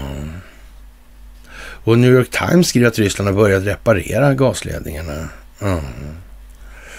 Och ja, då undrar ju man då kanske varför bombar de sina egna gasledningar och, och sen startar de reparationsarbeten. Ja. Och, och, vem var det som hade motivet och vem tjänar Kibona? Alltså? Ja. Det där är ju liksom lite speciellt alltså. Och ja, Zelensky ska vara med på Davos-mötet och skriva på framtida lån från Blackrock. Alltså. Ja, som sagt. Var han Thiel där kanske? Han har något att göra någonting någonstans kanske. Var inte han sa att time to be Thielsk? Vad är det för jävla böjning? Det fanns en Ernst till vill jag minnas. Som var kollega med, med någon som hette Wallenberg va? Hade han 4 000 spänn då när han dog? Mm. Han var väl ändå rikast i Sverige vid tillfälle också, den där Thiel. Det Thielska galleriet Thiel alltså. Jaha, just det. Ja, det var så ja. Jag vet inte. Det, ja, kan det vara släkt? Jag vet inte. Kanske. Ja, ja, ja, ja, ja, ja, ja. Det är märkligt alltså. Och ja, World Economic Forum, Council of Foreign Relations. Mm. Det måste finnas någon annan ovanpå. Jaha. Eh, Eh, på vilka premisser då måste det det? För att det moderna krigets beståndsdelar ser inte ut som jag beskriver. De ser ut på något annat sätt. Ursäkta mig, men hur då? Hur ser det ut i det här? Vad är det som finns eller inte finns i den här uppdelningen? Den uppdelningen är ju liksom om vi, säger som så, den är inte påhittad av mig i den meningen. Däremot kanske beskriven lite annorlunda av mig på grund av att jag kommer från Sverige och har vissa idéer och kunskaper om det här landets historia. Mm. Men hur ser det ut då? De som säger att det inte är så. Mm. Ja, man kan ju naturligtvis anföra så här också, men det är klart att eh, någon gång så förstod man att man var fel ute och ja, då kunde man ju lika bra ge upp för det skulle gå som så fick man ju så köpslå och förhandla. Och frågan är, har man köpslagit sig till det här då? då? Och sen har spelat teater hela tiden. Medveten om att det här skulle... Ja. Det är, om man säger som så, det är ingenting som man talar om för någon i så fall. Nej, det är det ju inte. Det är ju inte det. Men det här med att de efterkommande ska ta över allting inom Investor. Ja, intresset för vad till exempel en sån som jag tycker om det här är också, säger också någonting från den sidan alltså. Så är det också. Mm. De vet mycket väl vad det här handlar om. Mm. De vet vilka kriterier som kommer att gälla framgent. Mm. Och det är inte deras paradgata om vi säger som så alltså. Nej, det är inte det. Lite komiskt det där. Med den här paradgatan, nationalsgatan. Ja, mm, det finns andra namn på saker där också. Med historiens vingslag. Mm. Närmandet till Ryssland. Hm. Nej. Så är det ju. Ja, ja, det kan man ju faktiskt minnas en sån här dag. Mm. Och då får man alltså använda sin dator och titta, eller sin telefon, titta och tänka lite i de här sammanhangen. Mm. Då kan man slå lite på historia också. Och då ska man tänka på Ryssland och sådär. Alltså. Ja. ja, ja. Det är som det är helt enkelt. Och det här med Hollywood och filmstjärnor och... Mm, det är... Det är gammalt, gammalt, gammalt, gammalt, gammalt. Och ja, det, det, går lite trögt på sina håll här i Sverige. Det gör ju det faktiskt. Och ja, det kommer att få enorma konsekvenser. Vad som har varit. Nationellt och även internationellt. Mm till den tiden. Det är de sista skälvande dygnen. Mm. På 2022. Det är fantastiskt. Det är fantastiskt alltså. Ja.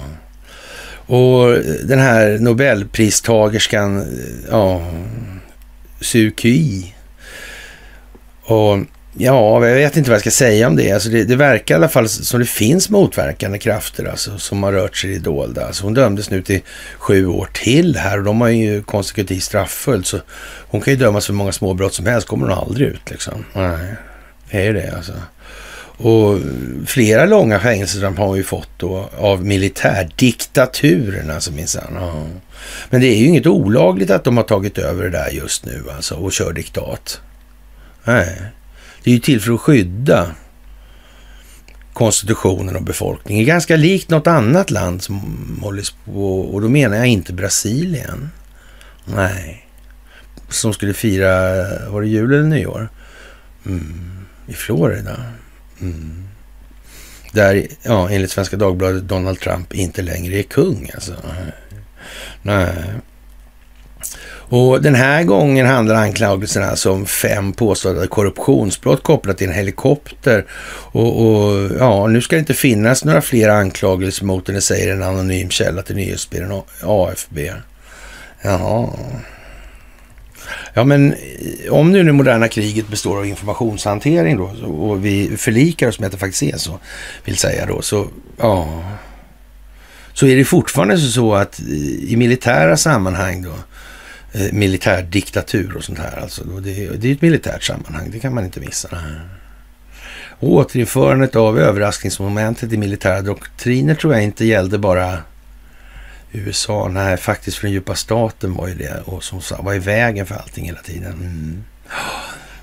Vi får se helt enkelt. Det kan ju vara hemligt för, på grund av ja, av vikt för landet kanske. Mm. Fast det kan bli tid för annat. Det kan det ju vara. Det kan ju vara av koordinationsmässiga skäl för att man ska motverka den djupa staten. Det måste man ju acceptera då att man gör det från militär sida här. Då man håller på vissa saker av den anledningen. Mm.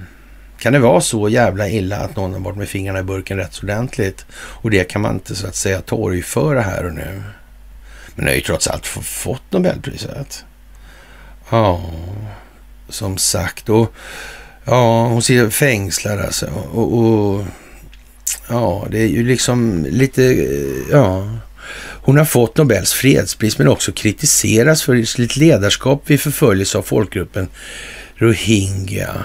Mm. En tidigare diktatur satt Nobelpristagaren Aung, Aung San Suu Kyi då, i husarrest i flera omgångar i omkring 15 år.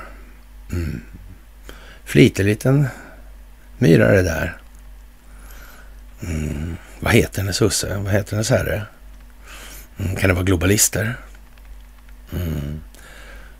Är det många som är sådär kritiska till globalism som får Nobelpris förresten? Inte det, nej. nej. Då kanske Jimmy kan få ett Nobelpris också. Han är ju nationalist och emot globalism. Mm. Konstigt. Ja, ja, ja, ja. Faktiskt. Lite speciellt kanske, till och med. Ja. Och ja, det är mycket det här kakelsuget nu de har, alltså tecknar in så ordentligt. Det här alltså den värsta drapan i, i eh, SvD i, i morse då. Det, det här är ju inte liksom nådigt alltså. Och om Donald, Donald Trump har nio liv, alltså, så är frågan vilket liv lever han nu då? Och, och, ingen kan eh, som han både överleva och kapitalisera på sina egna politiska kriser. Hittills har det spelat honom i händerna, befä ja, befäst hans martyrstatus bland anhängarna och stärkt berättelsen om ett etablissemang riggat mot honom och mot dem. Alltså, oh. Fansens indignation över valfusk har han är övertygad om, om att de ja, genererar till kampanjkassan då och har utgjort bränsle då till hans återvalskampanj. Ex-presidenten har hållit järnet tillräckligt varmt för att bibehålla deras aptit på revansch. Men medan Trump planerar sin återkomst från exiltillvaron i Florida har spelplanen ritats om. Förflyttningen, förflyttningen har skett på flera plan eller fronter skriver man här. Men, ja, ja, visst. Eh, guvernör Ron DeSantis är med jordskredssegern i Florida skänkt honom nationellt erkännande. När opinionsinstituten ponerar en duell med Trump 24 så vinner DeSantis.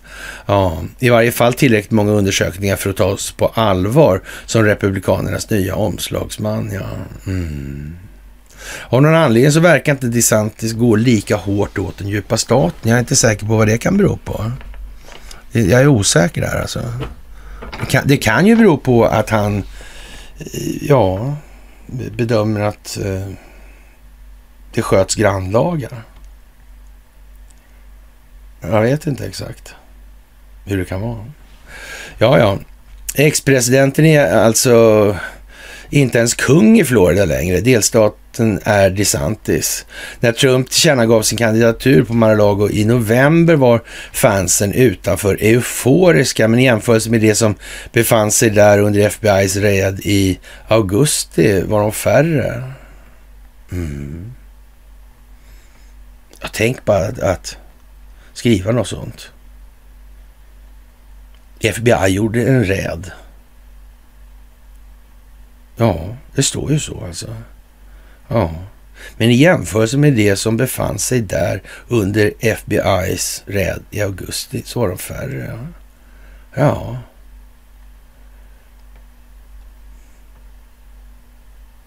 Det var väl konstigt. Hade FBI meddelat det tillslaget då? Eller? Jo, det måste de väl ha gjort. Hur kom det sig att det var en massa Trump-kritiker där annars? Mm. Ja, man kan ju undra liksom. Det här verkar ju jättekonstigt. Ja, Ja, före, ett, före mörkrets inbrott flög ett plan med DeSantis banderoll eh, över villan. Ett förebud om tiden som följde alltså.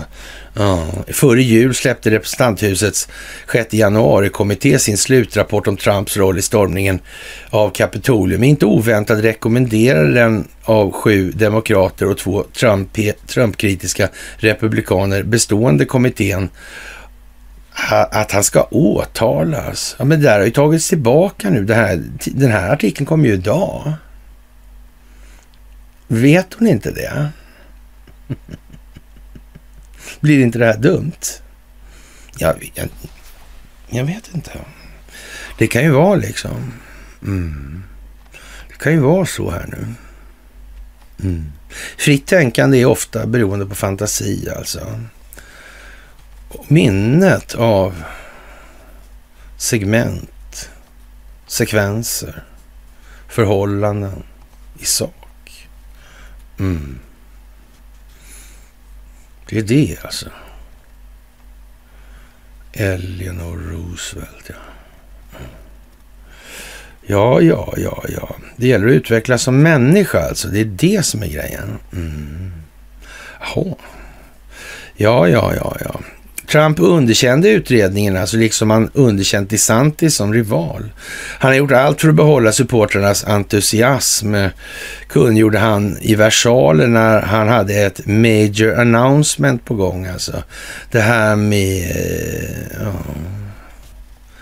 digitala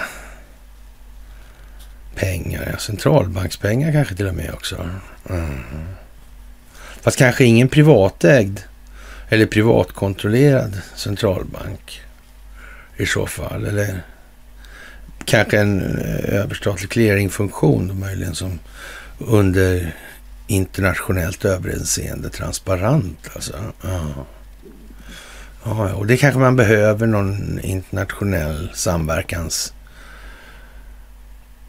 organisation för att kunna hantera för att inte någon ska hålla på och fuska. Det är lite grann som det där med EU har ju satt upp det där med ordförandeländerna och så lämpligt beteende om man bara tänker på sig själv till exempel. Det verkar ha kunnat förekommit tidigare i människans historia med andra ord. Ja, jag vet inte. Mm. Och, och, eh, som sagt, det är ja, ungefär sådana bilder då, tror hon, eller säger, framhåller hon att det är det här. Mm. Det kanske inte är det. Mm. Det var märkligt det där. Och det var ju inte det enda, eller kommer jag ihåg. Det var ju inte det faktiskt. Mm. Ja, ja. Som sagt, det var något mer litet skit där som inte kanske heller var så viktigt. Då. Ja.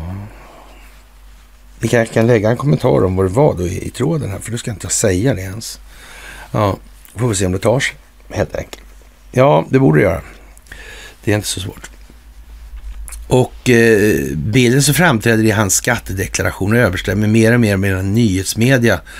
Ja, en bland den som anhängarna till Trump har då, då. Trump som fixare och trixare snarare än som imperiebyggare. Alltså. Ja. ja. Hur, hur egentligen är det då här tror mm. Det har ingenting att göra med att man eh, inte kan ta på någonting nu och att det har öppnat dörren på vid gavel för att plocka in skattedeklarationerna på alla intressebolag och alla anhöriga till till exempel senat och kongress. Och den nuvarande residenten också. Mm. Det ser nästan ut som man kan avgöra det här när man vill nu. Och att man drar ut på tiden har med att göra... Ja, just det, man måste ha opinionen med sig. Ja, just folkbildningen. Det får inte bli för lätt att skapa motkrafter till det som sker. Nej, just det. Då får man inte ha för många osäkra.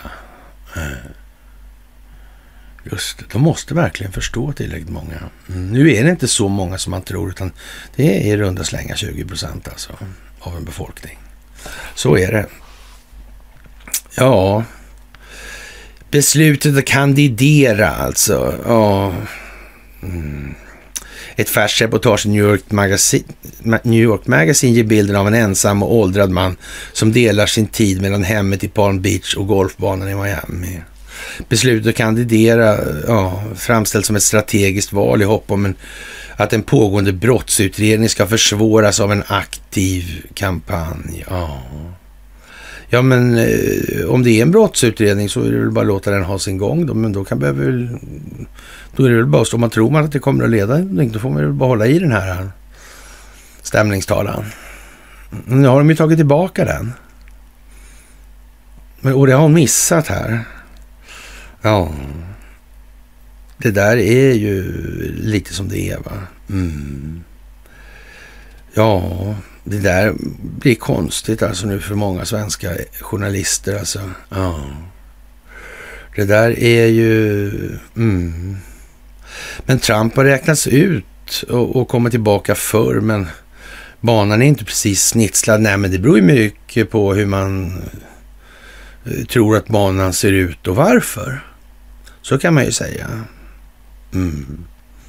Jag vet inte om hon välvilligt erkänner att hon är lite korkad där, men ja, nej, det som sagt, det är vad det är då. då. Och det återstår ju att se som sagt. Och nu slår alltså spionerna till mot Finland här alltså. Och, och vi undrar ju då lite blygt naturligtvis, eller violblygt kanske rent utav, att här är både Norge och Sverige har redan avslöjat ryska spioner. Nu utreder Finland flera fall av spioneri där både Ryssland och Kina är inblandade. Ja, de är ju strategiska partners, även militära strategiska partners numera här. Och, ja, det där är ju liksom, man har skrivit tidigare i Dagens PS om 50 utländska spioncentraler utanför Kina, där en av dem ligger i Stockholm. Och den här uppgiften är alltså, och de har det att hålla koll på exilkineser alltså och vad de har för sig i utlandet. Men det kan man väl tänka sig. Det kan man väl tänka sig. Mm. Det kan man tänka sig att man är intresserad av. För den senaste tidens tråkigheter beror på att ett fåtal svenskar på ett brutalt vis lägger sig i Kinas inre angelägenheter. Ja, det är ju så. Det kan man ju livligt föreställa sig att det är Alltså.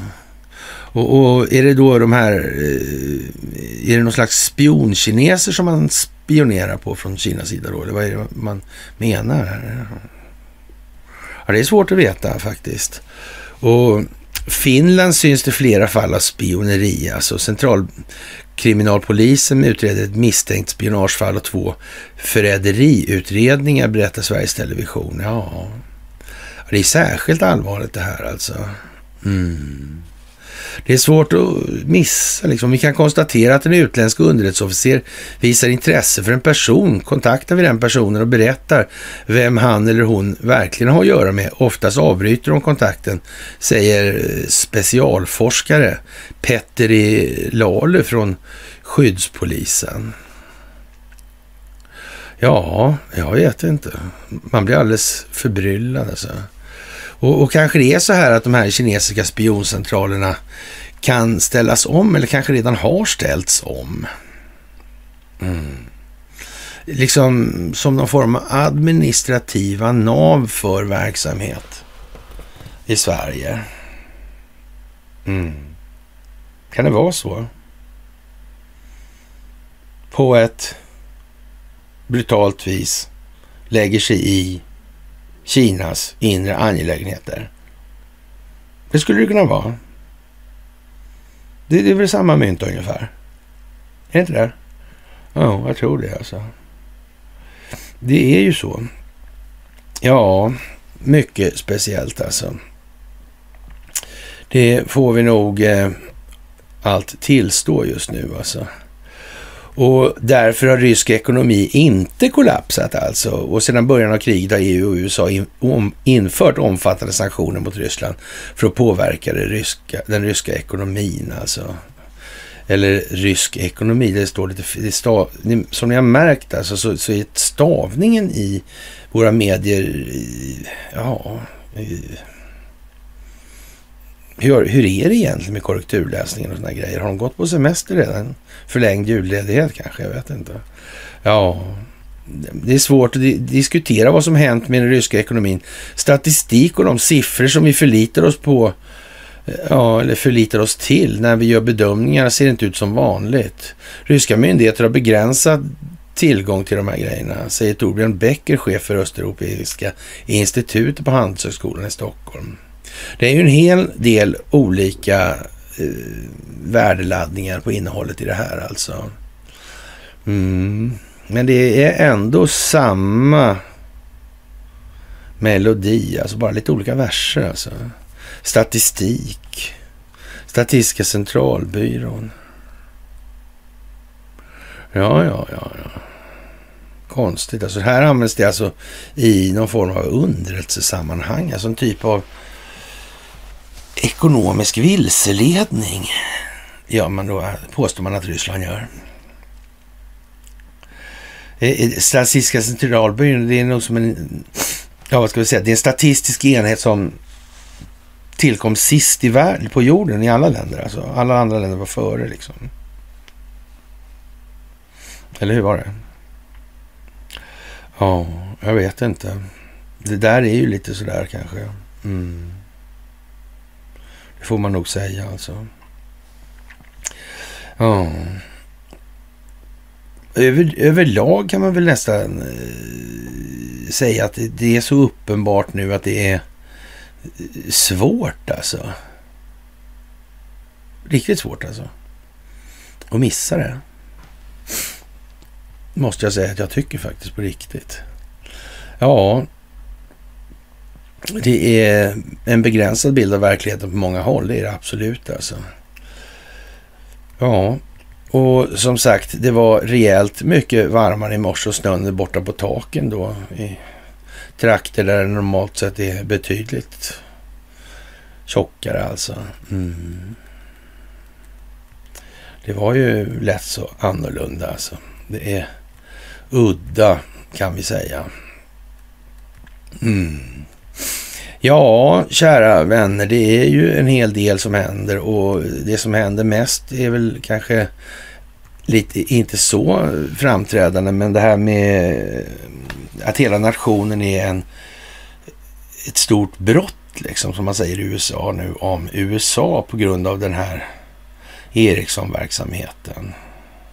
Ja, det får man ju säga är, är lite eljest faktiskt. Ursäkta. Mm. Och där sparar man ju inte på krutet allra minsta. Alltså. Nej. Det gör man inte. Men frågan är alltså, ja, vi har gjort den bedömningen att de har ju fått material av oss då och, och vi har ju hållit an på saker för det är liksom ingen som är betjänt av att någon kommer på den briljanta idén liksom.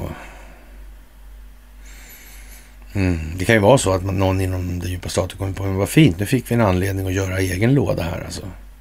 Ja. Och så ställer man till det för alla andra länder på det viset. Nej.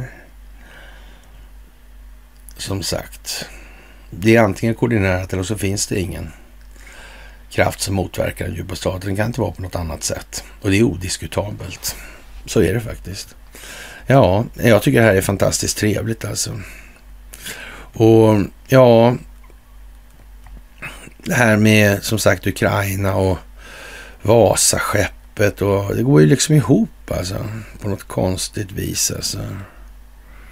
Mm. Mycket märkligt.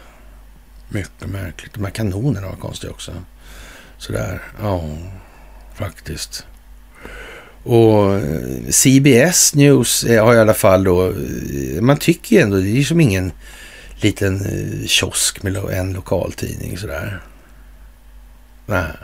Men de tar ju upp det här med 6 januari-kommittén, men svenska medier säger ingenting. Är inte det undligt? Jag tycker det är konstigt alltså. Mm. Faktiskt. Det är konstigt. Ja. Och Ja, jag vet inte. Man ska inte falla i demokraternas fällor. Mm. Med det här med social säkerhet och... Ja. Säger de till republikanerna. Jag vet inte. Det där är ju lite konstigt. Mm. Frågor om abort och social trygghet. Det är klart att han måste ju rensa Republikanska partiet också nu. Mm. Så är det ju alltså. Ja. Och det här med den här gamle kungen Vada där i Medelpad, medelpunkten. Ja, Pivoaria liksom. Mm. Det blev en liten omskrivning där, men forskningsläget hade ju ändrats. Mm. Man kanske hade mer forskningsanslag för att berätta en annan story. Kanske en som stämmer med verkligheten mer i alla fall. Mm. Mm. Och den här var ju längre än hela den svenska historien. Ja, tänk, vad konstigt. Ja, ja, jag var nere på bronsåldern där. Ja. Har man sett, ja. Till och med på järnåldern har vi. Ja. ja. Mm. Men det var ju underligt. Var det inte det? Mm. Undrar om det ger återverkningar på andra historiebeskrivningar. Undrar om kanske det blir helt omvälvande rent utav. Vem vet alltså? Vem vet? Tricky Dick kanske vet. Ja, det kan ju vara så. Mm. Ja. Det där är som det är alltså. Mm. Jaha, och eh, man börjar då stämma i USA då för, ja, från amerikanska justitiedepartementet alltså. Mm. För att underblåsa opioidkrisen alltså. Mm. Konstigt. Och misslyckas med att rapportera eh, misstänkta beställningar av droger i flera år. Ja. Alltså de, gör, de jobbar för att tjäna pengar de då? Ja, det är, ju, det är ju tur att inte alla företag gör det alltså. Nej, de är helt andra. De är samhällets bästa för så. Ja. Mm, det är inte vinstmaximering som ledmotiv. Nej, nej. nej, det är det inte. Så är det klart att det inte är. Ja, ja, det är väl som det är alltså. Mm. Och eh, det blir lite lattjo när Benny Gantz börjar då skräna om att göra det klara och attackera Iran då. Mm. Gamle Benny ja. Mm.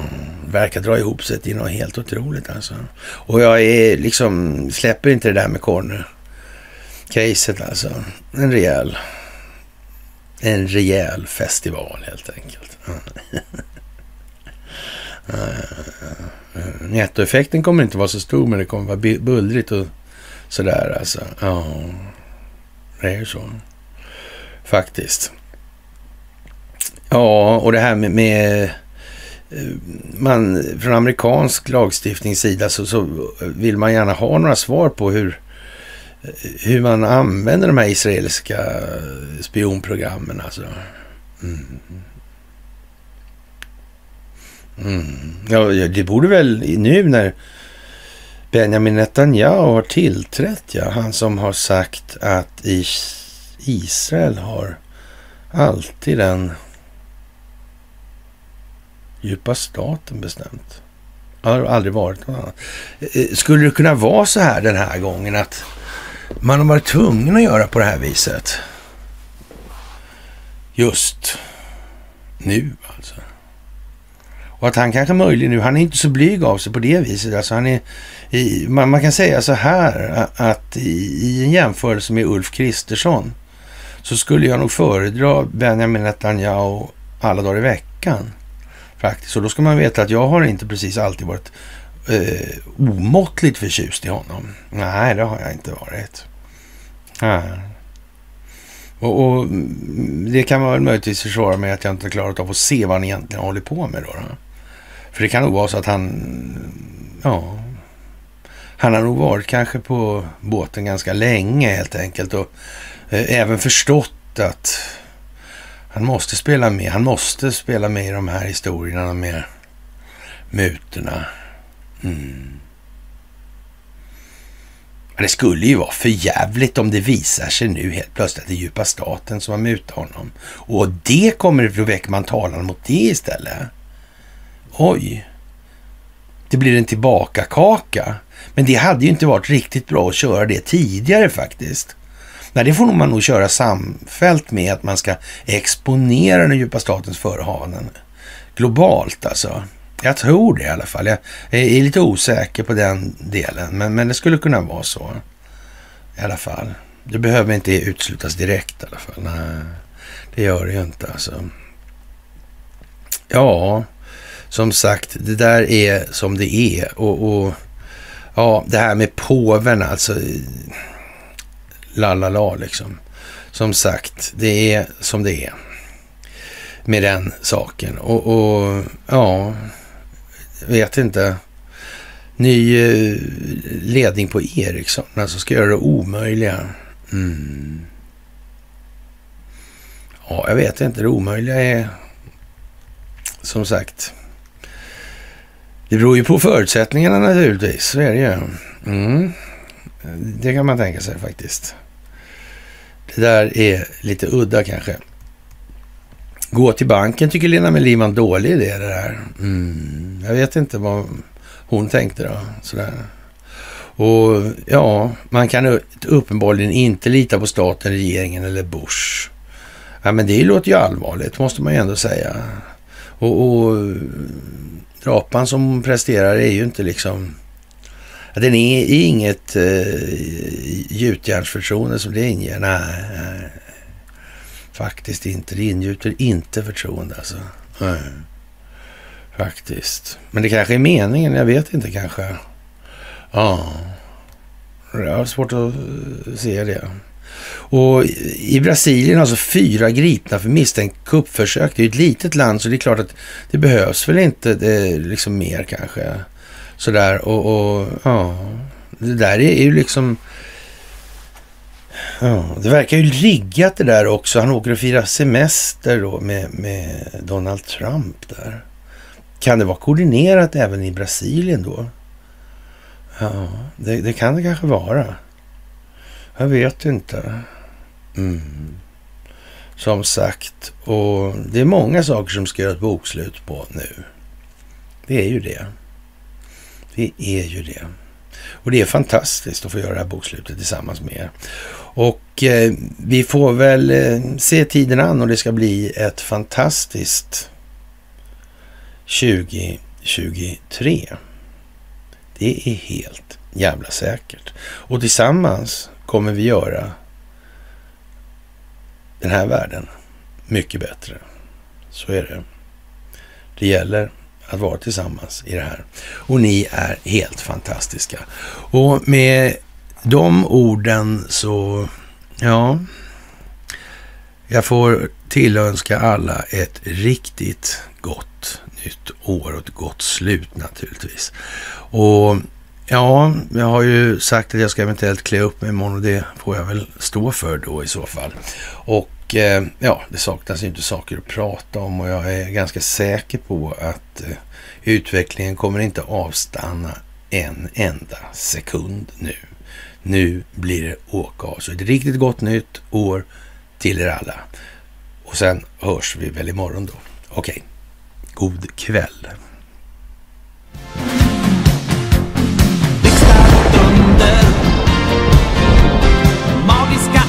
that